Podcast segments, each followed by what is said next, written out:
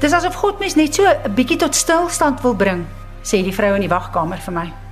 Ons sit ons beurt en afwag om terapiesaal toe te gaan vir chemoterapie. "Ekskuus tog?" vra ek verbaas. "Ja," sê sy. "God sê eintlik vir mense om bietjie af te skaal. Dit sê God daarom vreeslik wreed maak, dink jy nie? Om iemand kanker te laat kry sodat hy tot stilstand moet kom." "Nee, nee," sê sy. En ek weet wat kom volgende. Dis daai stukke van God se wees duister. Ag, ekskuus man, sê ek. Nie in die minste jammer nie. Maar ek glo bietjie anders. Ek gaan gooi vir my 'n beker koffie in en gaan sit op 'n ander plek. Skielik sê die een hier langs my: "En hoekom is jy alleen, hè?" Ek het weer onkant gevang. "Ekskuus," vra ek en proes oor my koffiebeker. Ek vra hoekom jy alleen is. Waar's jou mense? Dis 'n helse pad hierdie. Jy kan hom onmoontlik nie alleen stap nie en jy hoef nie braaf te wees nie, hoor? Jy hoef nie. My mond hang oop. Ek kyk nie vir haar nie, rol my oë en antwoord die stomme mens met: "Goed hoor, ek sal onbraaf wees." Ek gaan gooi ek my koffie in die wasbak uit en ek stap badkamer toe. In die badkamer buik ek oor die wasbak. Toe ek opkyk, kyk die kaalkop vrou in die spieël vir my terug en sy glimlag.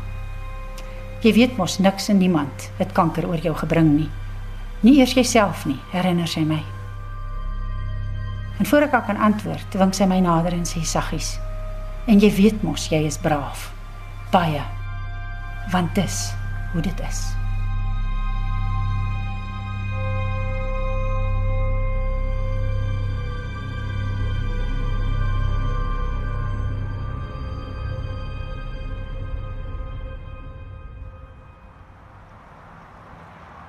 Ek is professor Michael Herbs, 'n gesondheidsspesialis vir die Kankervereniging van Suid-Afrika. Hierdie persone wanneer hulle die woorde hoor jy het kanker, sluit alles in hulle liggaam af. En hulle hoor nie enigiets anders wat die dokter of die onkoloog vir hulle sê nie. En wanneer hulle nou huis toe ry en hulle sien die kansa gebou, dan sê hulle, "O, oh, hier gaan ek dalk die antwoord kry."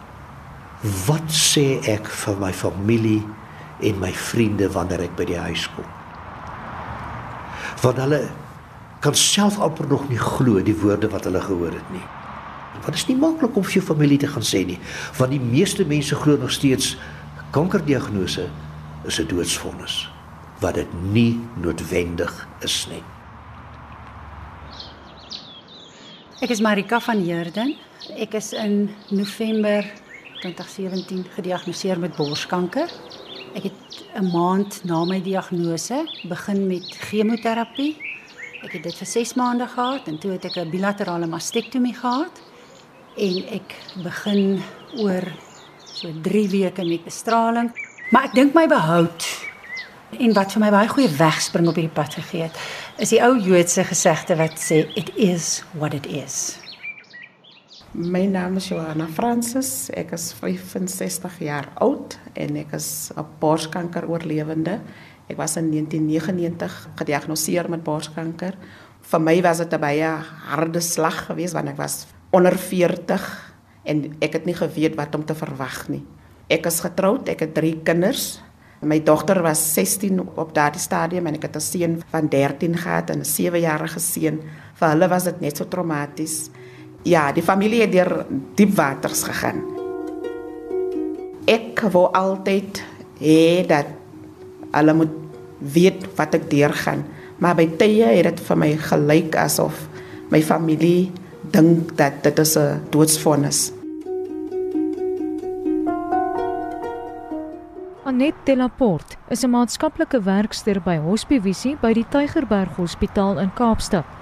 Sy vertel meer oor die emosionele krisis waardeur die familie gaan. Vir familie is die krisis van die diagnose regtig 'n seisoen van 'n wipwaandjie rit. Dit bring baie verhoudingskrisisse. Nuwe uitdagings in hoe hulle met mekaar kommunikeer. Dit is moeilik vir almal om te praat oor hulle vrese. Die ontkenning vir die familie is ook 'n baie sterk faktor wat hulle self nog sukkel om die diagnose te aanvaar en in hierdie tyd moet hulle reeds die pasiënt ondersteun. Mens dink nogal aan hoe iemand gaan reageer wat jy ken wat naby aan jou is. Ehm um, wanneer jy vir hulle moet vertel jy het kanker. En die arts het saak dit dieselfde aand vir my man gesê. Dit was hom sleg. Janie is 'n baie stil ou. Ehm um, hy internaliseer goedjies. Hy het net vir my gesê, "Ja, dit is regtig nie vir hom goeie nuus nie." En my dogter was in die middel van haar matriek eindeksamen.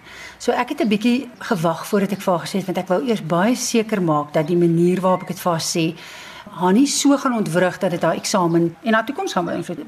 My seun het weer sy manier. Dit was my baie veilig om dit vir hom te sê want hy is 'n baie realistiese, rasionele kind. Hy het regtig net 'n groot sug gegee en afgekyk. En toe hy opkyk, toe sê hy vir my: "So mamma, wat gaan ons nou doen? Wat is ons volgende stap?" Klarey sit in die kamer ingekom terwyl ek en Janie daar was en Janie het so al vir my gewink en gesê: "Dis tyd." Ek het vir gesê: "Weet jy, ons sis, ek het gegaan vir 'n mammogram en die uitslae het gekom en dit is nie positief nie. Ek het kanker. Ek is vol moed dat 'n ou hierdie ding gaan deursien." Sy het voor haar uitgekyk sy het ook so half 'n sug gegee dat 'n traan of twee gerol en toe sy opgestaan en gesê mamma jy jy gaan dit doen.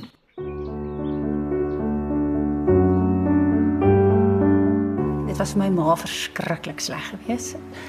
So dit is sleg vir die ouens om jou om dit te hoor en dit is moeilik om vir hulle te sê nee maar ek het dit nie onmiddellik vir almal vertel nie.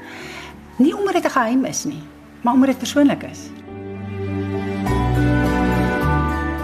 Omdat ek dit self deur my lywe laat gaan, dat hoe dink ek hieroor?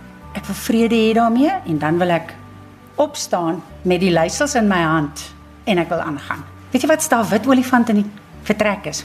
Kom ons spreek hom aan. en dis eintlik maar hoe ek dit gedoen het.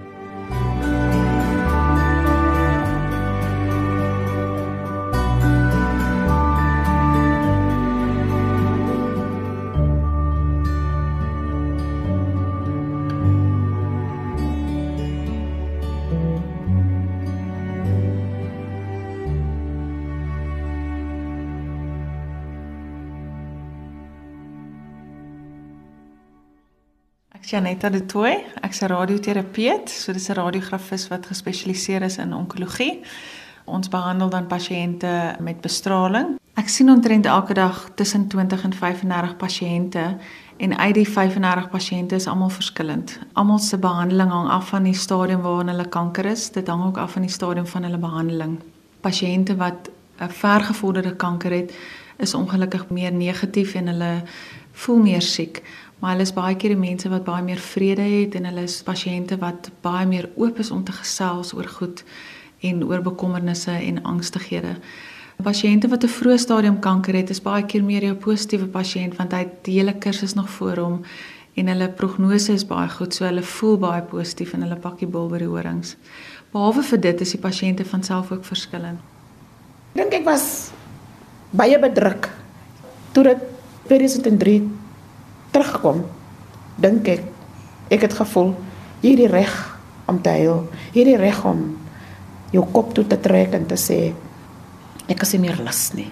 Daai bietjie hoop was verpletter. Gedurende die dag het ek myself mislik gehuil, geslaap en as mense sou gekom het by my hek kom roep en en het ek hulle deur die venster geloer en sê o, as jy dan gaan ek terug. Gaan klim ek jou in die bed en terug. Die behandeling maak mense alles twee mense. Jy hoef hulle nie te verstaan nie. Wees net verdraagsaam want hulle gaan deur moeilike tye. Dit is moeilik vir mense om by die huis uit te laat oor wat hulle deurgaan en wat hulle ondervind met die behandeling. Is beter as hulle praat met mense wat deur dieselfde situasie gaan. Jou kinders gaan vir jou vra, Wat gaan aan? Hoekom is jy in die bed? Is jy siek? Jy het die voorreg om te slaap. Jy kan rus, jy kan 'n boek vat, jy kan buitekant gaan sit in die, in die tuin, jy kan sit en lees. Jy kan net agteroor sit en jouself wees.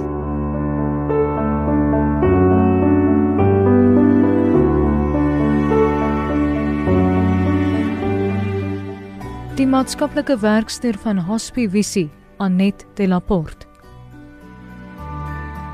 Laporte. Elizabeth Kibler-Ross sê die volgende fases identifiseer wat ons werklik sien afspeel in hierdie tyd van krisis. Eerstens is dit ontkenning om te sê dit kan nie waar wees nie. Dit gebeur nie met my nie. Die tweede is woede. Hoe kan dit met my gebeur? En dikwels word die woede gemik op 'n verhouding met God indien die persoon in 'n verhouding met God staan. Hoe kan die Here dit aan my doen? Hoe kan die Here my so straf? Wat het ek verkeerd gedoen?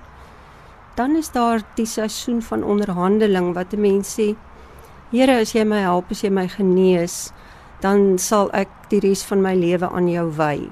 Depressie tree volgende in waar daar net 'n moed verlore vlakte ervaring oor jou kom en dan uiteindelik aanvaarding.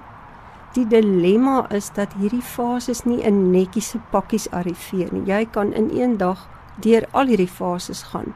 En waar jy vandag op 'n plek gekom het wat jy dink, "Goed, nou het ek vrede gemaak," kan jy môreoggend wakker word en van voor af weer op 'n plek van ontkenning en woede wees.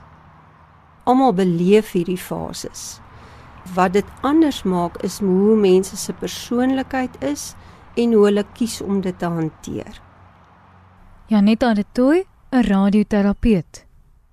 Baie pasiënte het al vir ons gesê die 15 minute wat hulle kom na ons se dag is vir hulle so 'n bietjie van 'n ligpunt omdat hulle sit met hierdie diagnose en omdat almal anders by die huis is te neergedruk en wonder wat se plan gaan ons maak hieroor en wonder wat is ons vooruitsig.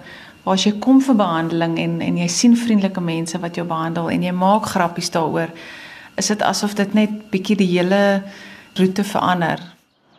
Weet jy wat? As jy gelag het, gaan jy huil. Humor is verskriklik belangrik in enige oorlewingssessie. Maak nie saak wat dit is nie, as jy die humor kan sien en dit kan geniet, dan gaan jy baie lank tree gee waar jy gedink het jy bly op een spoor staan. En ek het die wonderlikste vriendinne in hierdie tyd weer net herontdek. Veronica het 'n reguit manier waarop sy 'n ding bekyk en wat sy hom dan sommer ook sê. En sy's ook nie eintlik sy bang om haar sê te sê nie. Nou kyk, ek is 'n middeljarige vrou met 'n kaalkop. Dit is nie 'n algemene gesig veral nie in die platteland nie en 'n mens kry nogal al ouens wat jou nogal bietjie kan aanstaar en vir jou kan kyk. So loop ek en Veronica die eenslag en sy sê vir my, "Jong, maar die mense kyk aan vir jou verskriklik, hoor." Ek sê, "Ag Veronica, hulle kyk maar so asof hulle vreemde ding." Sê jy, "Nee man, maar kan ons nie so kykie, dis mos ongeskik." En dan loop ons weer aan, "Los nou maar, los nou maar." En ons is op 'n stadium in die Langeberg Mall in Mosselbaai.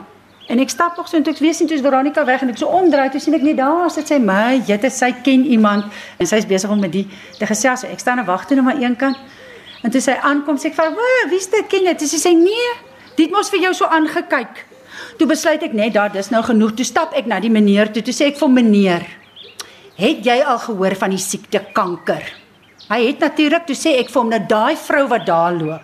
Sy het kanker.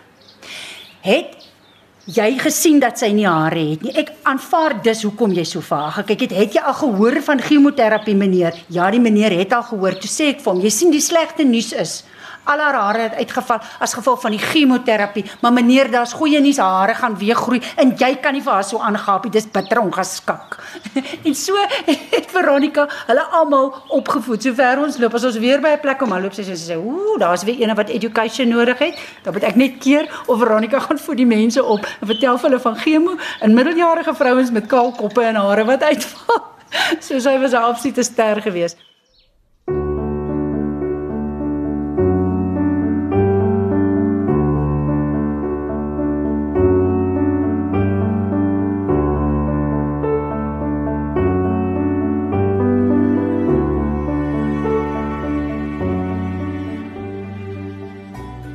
My kinders het ook byvoorbeeld geleer om so 'n bietjie humor in die hele kankerstorie in te sit.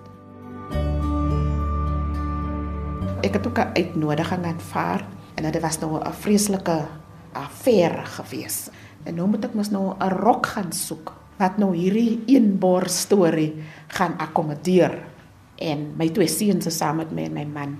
Ek het 'n rok aangepas en nou gaan ek uit en ek vra my man, "Wat dink jy?"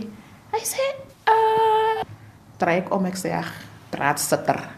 Ek sê, "Roep my seuns. Hulle vertel jou die waarheid." Ons te seun kom en hy sê, "Ma, ek dink jou lyne is 'n bietjie uit." Hy sê, "Die proteses, jy moet dit regskud." Nou vat ek my hand en ek moet hom nou so 'n bietjie regskuif. Nou sê ek vir hom, "Oké, okay, kyk weer." Ons is in 'n winkel. En hy sê ek dink ons nodig nou 'n meetband. Nou sê ek van Justin, ons het tyd vir meetband. Kyk na my borste en kyk of die lyne reg is.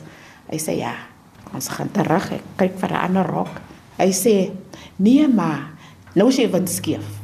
Nou sê ek aan reg so 'n rok met 'n hals wat 'n bietjie hoër is. Ja, 'n rok met 'n hals wat bietjie hoër is. Al het jy ook daardie proteses wat vir jou gemeet gewees het. Die gewig gaan net nooit dieselfde wees nie. En toe eendag by 'n praatjie uitkom, sê die dame, "Welkom aan die eenbors vrouens of die glad niks borste." 2016 toe die regterbors nog verwyder word. My familie was baie versla want ek begin die nuus so. Ek is nou 'n platbors. As nou nie weer van skeef aan die een kant, skeef aan die ander kant. He. Nou sit regop, want daar's nou niks weer nie.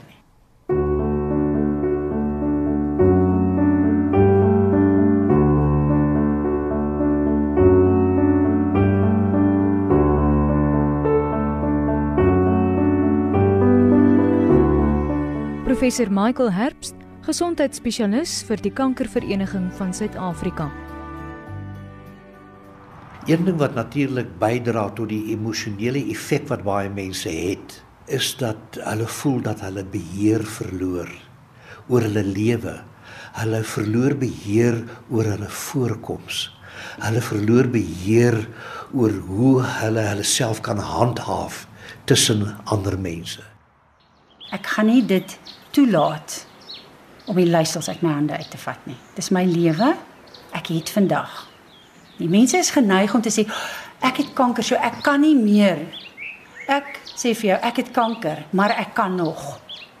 Ek het dwars deur chemoterapie, aanhou hardloop, aanhou oefen, aanhou gym toe gegaan. Aanhou op staptogte gegaan. Soveel as moontlik kilometers op my bene te kry as wat ek kon. Ek het besef ek gaan nie 21 meer kan hardloop soos wat die aanvanklike plan was nie, maar dit is nie my fokuspunt nie. My fokuspunt is wat kan ek nog doen? Baie mense verloor dalk daai wete van wie ek is en waartoe ek in staat is die dag as hulle hoor hulle het kanker. Kanker definieer my nie. Pasiënte wat redelik positief die kankerdiagnose en die behandeling aanpak, doen gewoonlik baie beter. So ons stel gewoonlik voor dat mense aangaan met hulle normale lewe, nog steeds doen wat hulle gewoonlik doen, hulle gewone stokperdjies. Mense sien dat mense se familie se invloede wat positief is, het ook 'n groot positiewe uitwerking op die pasiënte die naasbestaandes wat positief is, help met hulle ingesteldheid en help dat hulle beter reageer op die behandeling.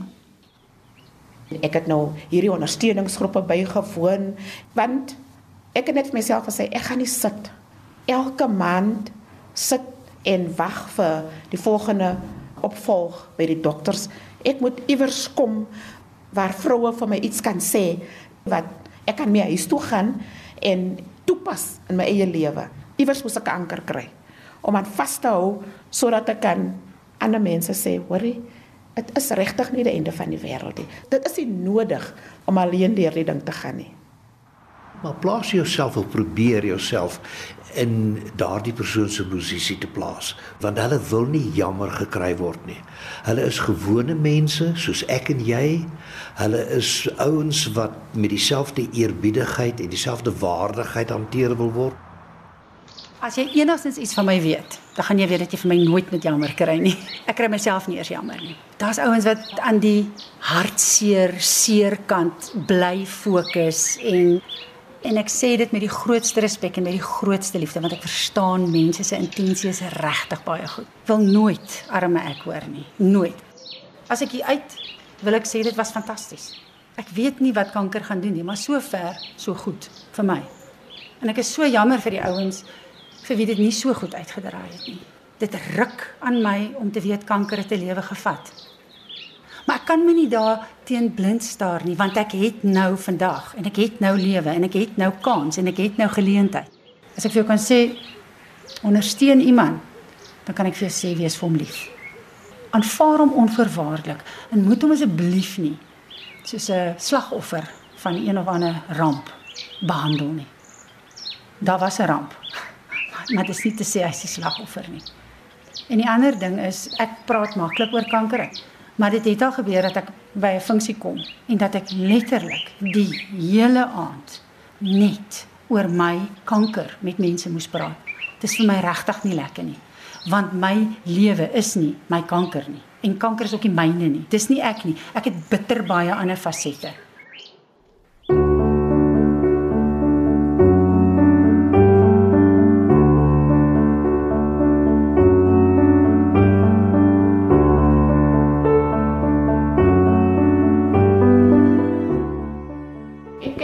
Anders na die lewe. Ek glo aan koop die tyd uit met almal wat jy ken en wat jy nie ken nie. Verryk mense se lewens. As jy iets doen, doen dit na die beste van jou vermoë, doen dit asof jy dit vir God doen. Lewe asof vandag jou laaste dag is. Al is daar niks om oor te lag nie. Ons soek vir iets om oor te lag. Die ou Johanna, laaste sê was op bedarna. Ook was ek 'n persoon wat nie maklik vergewe het nie. Nou, ek beklei vir die saak van die verworpenes. so het ek verander. Ek weet waarvan af kom ek. Ek weet waarheen wil ek gaan en ek weet wat het ek nou. Ek wil 'n vrede lewe met almal. Ek het daardie preek ingehandig, maar ek het agterna 'n preek gaan koop. Dit is my momentum. Dit staan in my kas met sy popkop. Ek voel dit herinner my waarvanaf ek kom en waar ek nou is. Dis my pad. Ek gaan nou met grasie stap. Ek gaan vir hom elke dag eendag op 'n slag doen. Daar's honderde mense voor my hier deur. Ek wil nie ligsinnig klink wanneer ek praat oor kanker nie, want daar's mense wat dit in 'n graad het en wat daarmee gaan saamleef by wie dit nie genees kan word nie. Ek wil nie eers bolangs praat en net vir sê jong, nou leer ons wat's belangrik en wat's nie belangrik nie. Natuurlik leer ons dit tot 'n baie dieper graad. Wat dit regtig beteken as jy sê ek is nie 'n victim nie. Sy lewe in doodstryd. En hier is werklike emosies en werklike vrese. Ek het geleer dat daar inherënt regtig met my en met enige iemand anders niks verkeerd is nie. Dat 'n ou kan dawer wees as wat jy dink jy is. En ek het geleer om net eenvoudig te berus sonder om die knie te buig vir jou baie krag gee, hoop gee en energie om die pad te stap en dat daar omgee in mense is en dat mense net nie altyd mooi weet hoe om 'n uitlaat vir dit te kry nie en dat mense regtig waar bereid is om 'n pad te loop met iemand en en vir jou lief te wees. Daar's ontsettend baie goed in hierdie wêreld en daai goed lê in mense.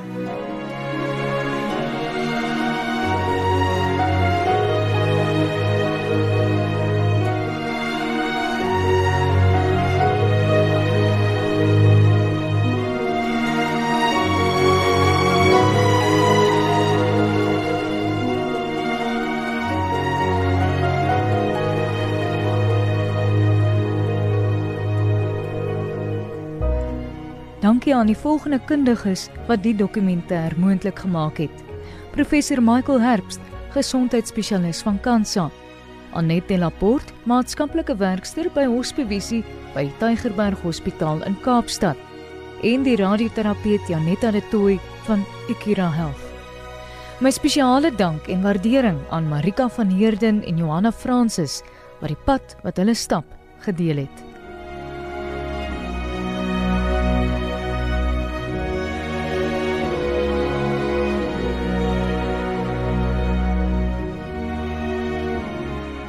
Een dag op 'n slag is 'n dokumentêr saamgestel deur Estie Gross.